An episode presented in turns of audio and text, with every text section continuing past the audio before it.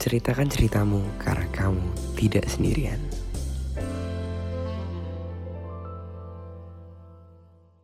Hai, hari ini di episode kedua, gue dapat kiriman cerita dari salah satu teman gue yang dia juga tumbuh besar di keluarga yang broken home. Dia ingin menceritakan kisahnya, keresahannya, yang mungkin banyak orang belum tahu bahwa dia tumbuh besar di keluarga yang broken home. Jadi, buat kalian yang punya keresahan yang sama dan kalian ingin menceritakannya karena kalian tidak bisa menceritakan ke orang lain, kalian bisa ceritakan di sini dan kalian juga bisa request untuk dianonimkan. Dan percayalah sama gue, setelah menceritakan keresahan yang kalian alami, yang kalian tidak bisa ceritakan kepada orang lain, itu setelah gue ceritakan cerita gue di podcast ini, gue lebih rada plong, lebih bisa menerima keadaan karena banyak yang memberikan semangat ke gue. Dan ternyata gue gak sendirian. Banyak banget orang-orang yang kirim ceritanya dan lain-lain. So, kita dengerin episode kedua ini. Halo, um, happy weekend buat teman-teman yang lagi dengerin podcast ini.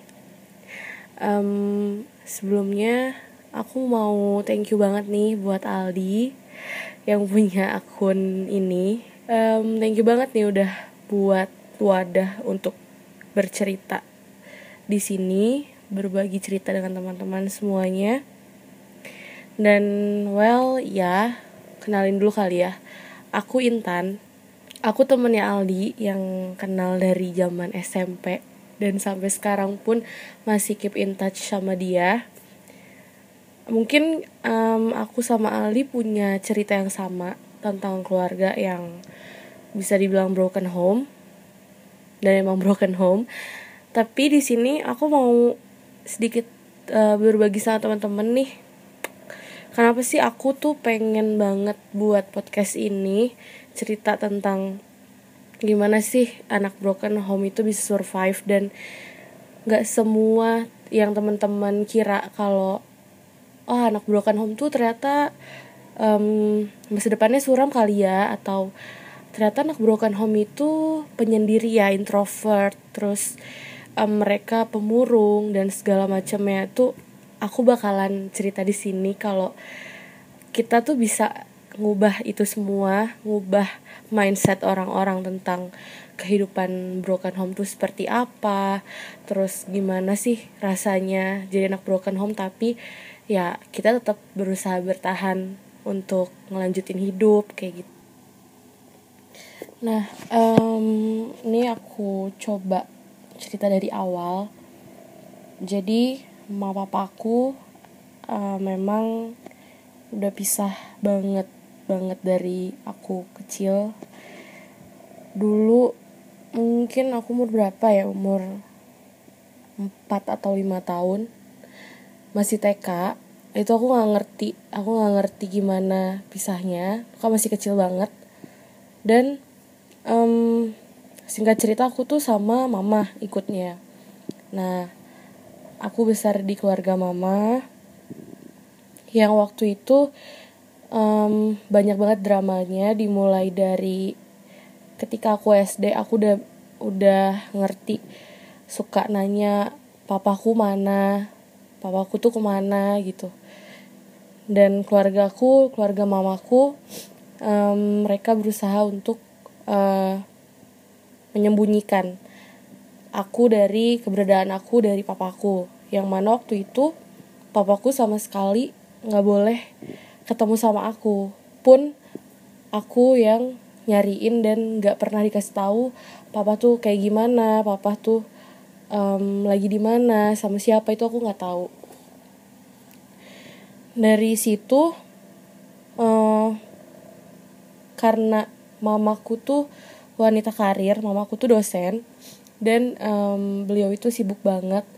Otomatis dari aku kecil sampai umurku 18 tahun sekarang 21 itu aku besar di um, di tangan nenekku. Aku manggilnya mami kan. Nah um, dari aku kecil dari aku SD TK bahkan aku dari TK SD SMP um, itu aku selalu pulang sekolah dulu waktu masih kecil aku dijemput sama mami. Aku diurus sama mami dari mulai sarapan berangkat sekolah sampai pulang lagi makan siang buat les buat pulang lagi les ke rumah. Yang aku lihat tuh ya mami bukan mama. Jadi dari situ intens kedekatanku dengan mamaku tuh nggak sedekat aku sama mami sama nenek aku. Nah um, dari situ karena waktu itu mamaku menikah lagi dan mamaku punya keluarga yang baru itu umur aku umur 9 umur 9 tahun ketika aku kelas 3 SD. Dan pada saat itu aku inget banget mamaku minta izin kalau um, Neng, mama mau nikah lagi dengan laki pilihan mama. Aku dikenalin sama salah satu calonnya mama yang sekarang jadi ayahku, uh, ayah sambung aku. Pun um, dulu karena aku nggak ngerti aku cuma bilang iya iya aja gitu. Ya udah nggak apa-apa mama nikah lagi. Tapi waktu itu ya anak kecil lah ya dulu tuh kayak ngajuin syarat gitu.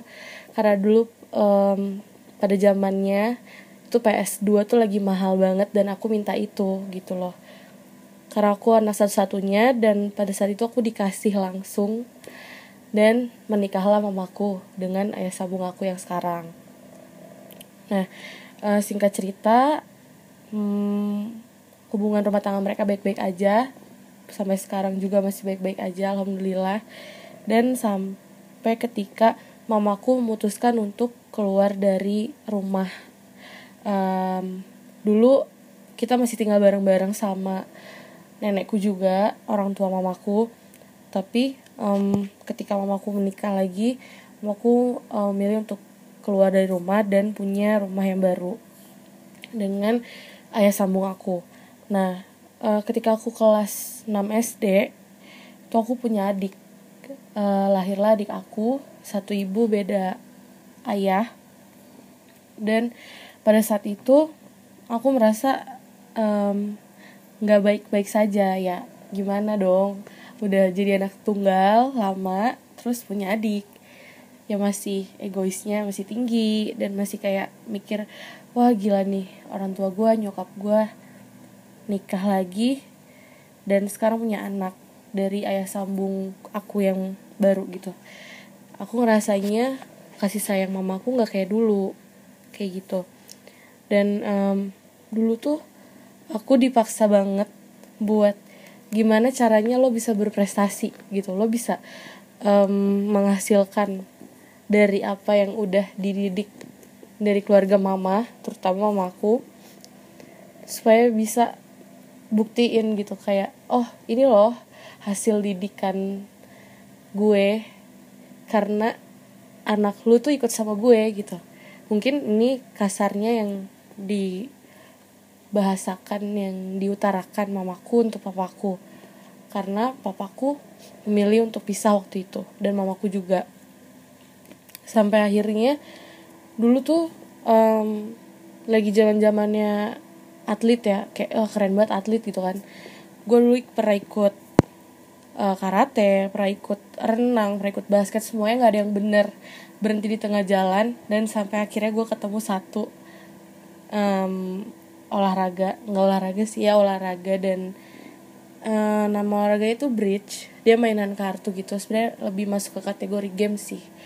Nah gue mulai bridge dari kelas 4 SD sampai akhirnya gue um, gue fokus di situ dan gue bisa gue bisa menghasilkan medali medali-medali dari mulai emas sampai perunggu. Itu gue hasilkan untuk keluarga gue dan gue nggak tahu kalau ternyata di situ ternyata nyokap gue tuh suka bilang juga ke bokap gue kalau oh ini si Intan uh, menang turnamen ini turnamen itu kayak gitu. Sampai akhirnya gue masuk SMP gue lewat jalur prestasi waktu itu um, gue masuk SMP negeri dan waktu itu gue ikut les lia pertama kali gue ketemu sama Ali nah um, waktu itu udah mulai dibolehin komunikasi sama papaku. Karena um, aku udah punya HP ceritanya. Walaupun HP-nya nggak kayak canggih sekarang yang bisa cuma bisa buat telepon sama SMS doang. Nah aku waktu itu udah mulai telepon-teleponan sama papa. Dan pertama kalinya papa mau ketemu aku. Tapi bilang jangan pernah bilang mama kalau papa nyamperin neng ke Cirebon. Karena papa waktu itu tinggalnya di luar Cirebon kan. Nah waktu itu aku lagi les lia. Lagi les dan di tempat les tiba-tiba HP ku nyala ada telepon ternyata itu dari papa. Papa bilang papa mau nyamperin ke tempat les. Di situ aku kayak deg-degan banget ketemu orang kayak ketemu orang asing. Karena nggak pernah ketemu papa dong dari umur dari TK gitu dari umur lima tahun sampai tahu-tahu sekarang udah SMP terus aku ketemu sama sosok papa. Nah singkat cerita papaku datang aku nunggu di ruang tunggu waktu itu. Terus aku nggak ngeh kalau itu papa gitu. Terus papa tuh nyamperin aku bilang ini Intan. Terus aku bilang iya papa ya. Aku sampai bilang gitu sekaku itu ketemu papa. Dan di situ langsung tuh papa meluk aku aku kayak kaku aja nggak meluk balik gitu loh kayak ya udah kaku kaku dan dalam hati aku tuh kayak bilang oh gini ternyata dipeluk sama papa oh gini ternyata rasanya dipeluk sama papa. Sampai situ papaku nangis papaku nangis. Aku nggak bisa nangis karena aku kayak weird gitu kan. Kenapa nangis ya? gitu. Padahal sebenarnya eh, sedih dan ya aku baru ketemu papaku pada saat itu gitu. Udah lama banget gak ketemu atau ketemu tanpa sepengetahuan tanpa sepengetahuan mamaku.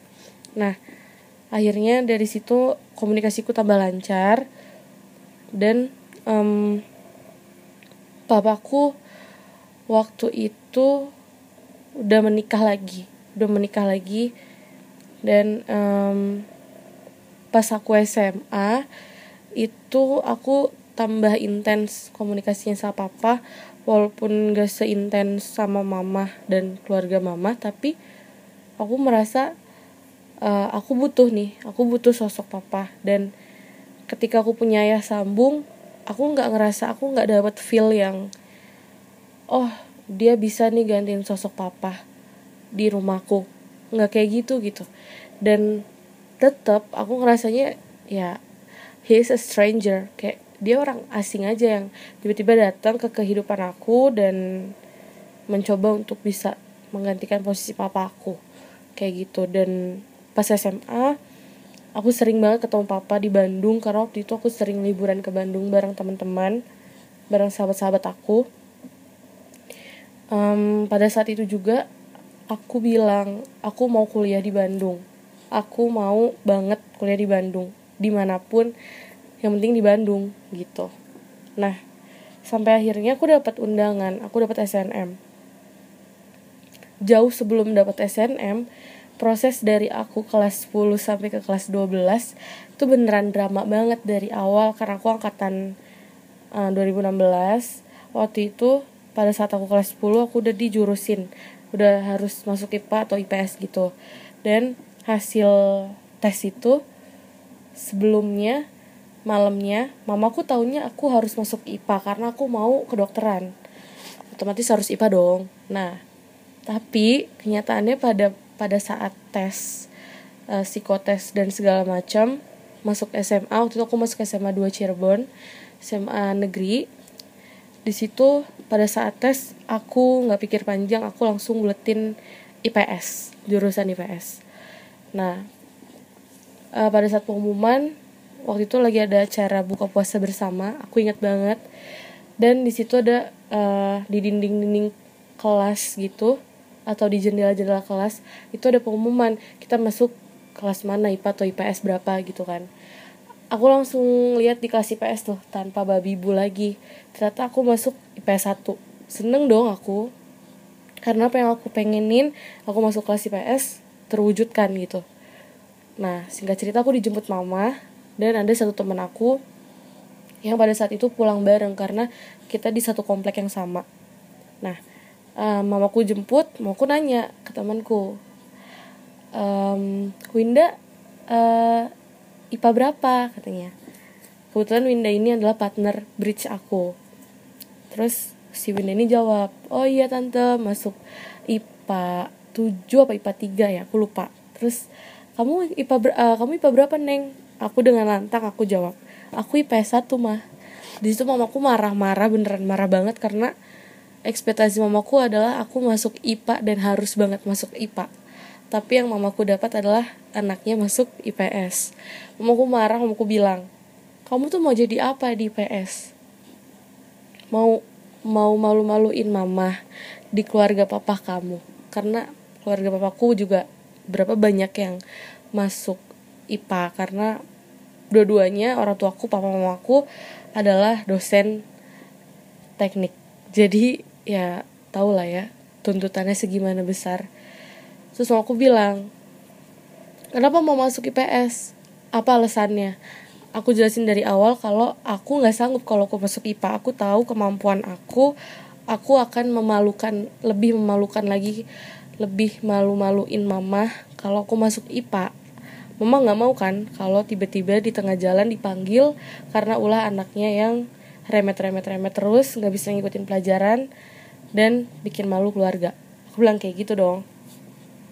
Aku bilang juga terserah mama mau ngapain mau mindahin aku ke IPA silahkan tapi aku nggak akan sekolah mama aja yang sekolah bukan aku kayak gitu sampai akhirnya mamaku tuh nelpon papaku pada saat itu. Bilang anaknya susah diatur. Pertama kali banget aku denger dari omongan mamaku kalau anaknya ini anak perempuan ini nggak bisa diatur. Di situ aku mulai ngerasa gila gue nakal banget ya. Gue bandel banget. Nurutin orang tua aja nggak bisa. Kayak gitu. Singkat cerita akhirnya aku bisa survive di kelas IPS minimal dapat ranking lah ya. Ranking gak malu-maluin dan terakhir banget walaupun aku ikut les sana sini bimbel sana sini aku ikut um, persiapan SBMPTN dan semuanya segala macem aku dapat undangan SNMPTN dan itu di Unpad di Bandung di Jatinangor lebih tepatnya. Nah dari situ aku bilang sama mamaku aku aku mau jurusan ini aku mau ambil nih jurusan ini jurusan aku antropologi kan. Walaupun orang-orang banyak yang nggak tahu antropologi itu apa tapi yang jelas aku mau nih aku mau mempertanggungjawabkan apa yang udah aku pilih gitu. Walaupun dulu tuh sempat banget di um, tawarin mama kayak udahlah masuk ekonomi aja masuk jurusan ekonomi. Itu udah pasti kamu mau kerja di mana? Atau udahlah hukum aja gitu keluarga.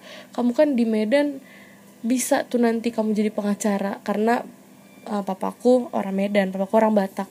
Jadi orientasi mamaku tuh gimana caranya aku bisa banggain keluarga mamaku di depan keluarga papaku yang uh, keluarga papaku tuh udah lama banget gak pernah um, maksudnya menanyakan atau caring about me gitu. Bahkan mama tuh kayak gengsi banget sama keluarga papa. Jadi pengen banget anaknya uh, bisa seperti apa yang dia mau gitu apa yang kayak mamaku mau. Dan pada saat itu aku aku bilang nggak aku mau di antropologi ini pilihan aku. Terserah mau kayak gimana yang penting aku mau ambil SNMPTN ini undangan ini. Aku bilang gitu. Sampai akhirnya aku bisa survive sampai sekarang. Dan pada saat itu nggak langsung mulus aja ya kayak dari SMA terus langsung masuk kuliah dengan gampangnya dengan ya lancar-lancar aja nggak kayak gitu juga. Waktu itu pertama kali aku jadi mahasiswa baru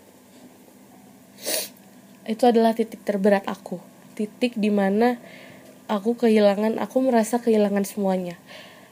Even di mana aku tambah aku tambah intens aku tambah dekat dengan papaku tapi di saat itu juga aku kehilangan mamiku sosok nenekku yang 18 tahun ini ada sama aku gitu loh. Kayak semua muanya tuh sama mami. Apa apa sama mami cerita semuanya sama mami. Nggak pernah seterbuka itu sama mama. Beda banget. Rasanya beda banget. Sampai akhirnya mamiku sakit dan pada saat aku mau daftar ulang uh, mahasiswa yang diterima jalur SNM pada saat itu aku ninggalin mamiku di rumah sakit dirawat kan waktu itu. Um, ketika aku daftar ulang ketika baru mau foto buat KTM buat kartu mahasiswa aku dapat telepon. Aku dapat telepon eh, itu pagi-pagi banget subuh aku bangun dapat kabar kalau mami udah nggak ada. Mami udah dipanggil sama yang di atas aku nggak tahu gimana rasanya waktu itu. Pokoknya hancur sehancur hancurnya karena aku waktu itu janji sama mami. Ketika aku masuk um, kampus negeri orang yang pertama kali akan aku ajak keliling kampus dan aku ajak nginep di kosan adalah mami bukan mama. Tapi pada saat itu mami udah dipanggil duluan dan aku nggak tahu kayak ih ngapain ya gue ya? Gue kuliah buat apa ya gitu. Karena tujuan aku untuk kuliah adalah menyenangkan mami pada saat itu. Aku janji aku akan bawa mami keliling kampus lihat kalau cucu pertamanya itu masuk kampus negeri. Karena dari keluarga mama kebanyakan semuanya kampusnya swasta. Nah di situ aku udah kehilangan harapan banget udah kayak hopeless banget dan waktu itu aku lagi posisinya sama papa sama papaku. Aku bilang um, semuanya kayak hilang. Even ada papa di samping aku papa selalu ada untuk aku. Pun mama seperti itu tapi kan tetap aku besar di tangan nenekku. Aku nggak deket juga dari awal dari kecil. Aku nggak deket sama papa aku juga kurang intens sama mama yang aku rasain awal-awal masuk kuliah adalah hampa banget. Kayak ya ampun tiap tiap malam nangis bener-bener nangis yang kenapa sih secepat itu buat pergi ninggalin aku? Di saat semuanya pergi di saat mama punya keluarga baru papa punya keluarga baru dan pun sekarang aku ngerasa di kota rantau yang ini bukan daerahku aku ngerasa kayak gila gue sendirian banget. Nggak tahu mau ngapain nggak tahu mau ih gue kuliah buat apa gitu. Sampai mikir segitunya. Dan nggak ngerti nggak ngerti yang mau gue tuju selama kuliah tuh apa gitu. Karena tiap gue pulang gue pulang ke rumah semua memori-memori itu datang. Kayak biasanya gue pulang suka eh mau makan apa neng? Atau mami masak ini loh mami masak ini loh. Makan gih udah di udah ada di meja makan. Sekarang nggak ada nggak ada yang kayak gitu dan setiap kali gue homesick pasti yang gue lihat adalah foto mami foto nenekku yang yang pun 18 tahun dia ngerawat aku dan sampai sejauh ini aku bisa bertahan. Ya dulu waktu awal-awal mami nggak ada beneran berat banget karena tiap kali aku pulang ke rumah yang ada adalah berantem sama mama karena ya cekcok antara ibu dan anak lah. Tapi ini intensnya tuh intensitasnya sering banget. Cuman gara-gara aku pulang kuliah weekend yang libur terus ya gue mau pulang gitu kangen kangen rumah kangen suasana rumah tapi mau gimana lagi namanya orang kuliah ada tugas yang harus dibawa pada saat pulang ke rumah ya gue nugas dong. Aku nugas gitu loh yang kondisi mama tuh nggak pengen tahu itu gitu loh. ya lo pulang buat keluarga bukan buat tugas. Di situ sering banget cekcok sama mama dari mulai kenapa sih pulang bawa bawa tugas? Kenapa nggak taruh aja tugasnya di kosan? Gitu. Kan bisa dikerjain nanti yang aku nggak habis pikir juga gara-gara kan nyokap gue tuh dosen ya kenapa dia nggak bisa ngertiin anaknya gitu loh yang posisinya aku mahasiswa gitu loh. Harusnya kan sama-sama mengerti sampai aku tuh nulis surat waktu itu sempat ada drama kabur kabur-kaburan.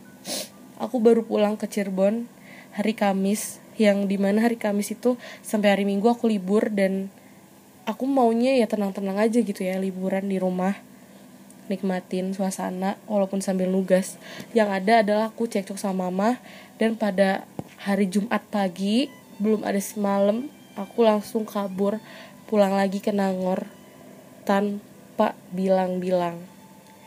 Dan di situ aku cuma ninggalin surat buat mama yang mana aku tuh berharap banget kalau mama tuh bisa ngerti gimana kondisi perasaan aku, gimana yang aku rasain pada saat itu karena jujur aku nggak tahu ya orang-orang broken home di luar sana mungkin ngerasa hal yang sama kayak yang aku rasain. Kayak aku lebih deket sama sahabat-sahabat aku teman-teman aku dibanding keluarga aku gitu loh. Di mana yang aku ya aku percaya cerita ke teman-teman deket aku dibanding ke orang tua aku gitu loh. Karena mereka definisi pulang untuk aku ya mereka gitu loh. Mereka adalah rumah teman-teman aku sahabat-sahabat aku yang di mana ketika aku ceritain itu aku lebih merasa nyaman dibanding aku cerita dengan keluarga aku gitu loh aku sempat nulis surat yang isinya kayak gini. Mah, maafin aku, aku pulang ke Nangor. Bukan karena aku gak sayang mama. Aku pulang ke Cirebon juga bukan karena mau buat repot. Aku cuman mau di Cirebon untuk pulang. Tenangin pikiran, untuk istirahat. Bukan untuk debat sama mama. Apalagi harus ngeyel sama mama. Aku kira mama paham apa yang aku pinginin. Tapi mama terlalu egois. Mama selalu mendengarkan diri mama sendiri, gak pernah mau dengerin orang lain. Rasa kalau mama selalu benar dan yang paling benar, gak pernah menghargai apa yang aku bilang. Aku kuliah dan aku dapat ilmu bukan untuk melawan mama. Bukan untuk dikatain, kamu ngeyel. Aku cuma mau menyuarakan isi hati aku aja, bukan untuk melawan. Tapi mama gak pernah mau dengerin aku. Aku kuliah untuk menunaikan kewajiban aku sebagai anak. Hasil kerja keras aku sama ini, sama kuliah pun nanti akan aku kasih ke mama dan papa. Biar kalian berdua bangga. Aku gak ada niat sekalipun untuk ngeyel atau istilahnya menentang mama. Aku gak mau dibilang anak durhaka, tapi mama gak pernah dengerin aku. Sekalipun gak pernah dengerin aku. Dari dulu mama kayak gini, entah karena memang sekarang kehidupannya udah beda. Semenjak ada pengganti papa yang baru mama berubah. Mama selalu prioritasin keluarga mama yang baru. Semuanya mama utamakan untuk yang baru. Andaikan mama nggak andaikan mama ngerti perasaan aku yang jadi anak broken home ini aku selalu berusaha jadi yang terbaik untuk mama buat mama seneng tapi sepertinya aku yang aku lakukan adalah salah Maaf kalau aku selalu buat salah di depan mama. Gak sempurna di mata mama. Gak bisa selalu jadi apa yang mama mau. Sepenggal surat yang aku tulis untuk mama aku pada saat itu ya berisi curahan hatiku kalau aku gak bisa selalu jadi apa yang mereka mau, yang mama aku mau gitu loh. Dan aku pun nulis andai mama paham apa yang aku rasain Rumah Bima bukan sekedar rumah untuk aku. Rumah Bima itu rumah tempat aku bernaung selama kurang lebih 18 tahun. Rumah Bima itu segala kenangannya hidup di dalamnya. Mami dan semuanya ketika mama punya pendamping baru. Aku tahu kasih sayang mama akan terbagi untuknya. Ketika mama punya pendamping baru, mama selalu sibuk dengan urusan-urusan bersamanya. Ketika mama sibuk dengan segala urusan yang lain, Mami selalu ada buat aku. Mami selalu membuat kenyamanan untuk aku. Itulah kenapa aku gak mau pisah sama Mami. Memilih untuk tetap tinggal sama Mami di Bima walaupun mau punya rumah baru. Mami sekarang pergi untuk selamanya. Mau pernah gak mikirin perasaan aku waktu Mami pergi? Segala-gala yang aku punya seketika hilang gitu aja. Aku gak tahu apakah Mama bisa memberikan kenyamanan seperti apa yang Mami kasih ke aku. Belum lagi ditambah kondisi keluarga yang makin gak jelas. Dan definisi keluarga yang aku punya udah gak ada sekarang. Makin hancur. Aku berusaha untuk survive dengan keadaan. Da, uh, tapi di setiap aku pulang, aku selalu punya tekanan. Itulah kenapa terkadang berada di kota rantau jauh lebih nyaman, jauh lebih tenang dibanding pada saat pulang. Itulah kenapa aku lebih nyaman dengan sahabat-sahabatku dan teman-temanku dibanding dengan keluargaku. Aku tahu mama selalu punya materi yang tak terhingga sampai detik ini, hingga aku masih bertahan di perkuliahan. tapi materi aja buat aku nggak cukup aku butuh kasih sayang mama aku butuh mama yang dulu bukan kayak gini yang selalu membuat dirinya merasa benar dan nggak mau dengerin apa yang orang lain bilang. Intinya di situ aku benar-benar kesel banget. Dan aku bilang terkadang pergi bersama teman-teman selalu membuat nyaman dibanding harus pergi bersama mama dan keluarga baru yang dipunyain sekarang. Mama pernah nggak mikirin perasaan aku waktu mau pergi sama ayah dan dede tanpa ada aku? Mama pernah nggak mikirin aku kalau waktu lebaran aku diajak kumpul di keluarga baru yang sekarang dan aku ngerasa aku tuh asing di situ. Aku ngerasa nggak punya siapa-siapa karena keluarga baru yang mama punya sekarang ya itu keluarga mama bukan keluarga aku keluarga aku sekarang nggak tahu kayak gimana mami pergi tante-tanteku juga udah pada nggak peduli. Mama kayak gitu papa juga nggak bisa selalu ada. Sekalipun ketika kumpul rasanya kayak ada sekat aja di antara aku sama mama. Aku nggak tahu mungkin karena ada keluarga baru yang sampai sekarang masih ngebuat batas itu semakin ada gitu loh. Semakin sekat-sekat itu semakin ada. Aku tulis ini aku mau ngeluapin semua apa yang aku rasain aku nulis ini semoga mama tahu apa isi hati aku selama ini aku sangat sayang banget sama mama ya dan semuanya di setiap sujud aku nggak lepas dari doa-doa yang aku panjatkan untuk semuanya agar semuanya baik-baik aja. Semoga mama paham apa yang aku rasain. Aku sayang mama. Intinya kadang jadi orang broken home itu nggak sebebas seperti orang-orang lain. Ketika orang-orang lain yang nggak tahu kita gimana, mereka ngelihatnya kita hidup enak-enak aja. Di instastory jalan-jalan mulu di feeds juga hura-hura mulu. Wah gila nih si Intan main-main mulu hidupnya. Wah gila nih si Intan jalan-jalan mulu hidupnya traveling mulu naik gunung mana segala macem. Ya not like that gitu loh. Karena mungkin aja kita ngelakuin itu karena untuk pelarian karena untuk mencari kebahagiaan yang lain. Karena kita nggak nemuin itu di keluarga. Kita sebagai anak broken home nggak bisa mendapatkan kenyamanan dari keluarga. Kan ya kita nyari kenyamanan di yang lain. Tapi dari semua yang aku ceritain aku bisa bilang nggak semua anak broken home itu punya kehidupan yang berantakan punya kehidupan yang bisa dibilang suram. Nggak kayak gitu nggak semuanya. Karena semua itu masing-masing dari diri kita sendiri. Gimana mau ngebuat kehidupan kita lebih baik dari sebelumnya? Karena nggak mau dong kalau nanti suatu saat kita berkeluarga dan mengulangi kesalahan yang sama seperti apa yang orang tua kita lakukan. Itu aku nggak mau banget. Makanya aku cerita kayak gini karena aku pengen berbagi sama kalian. Kalau orang broken home itu nggak seberantakan itu kok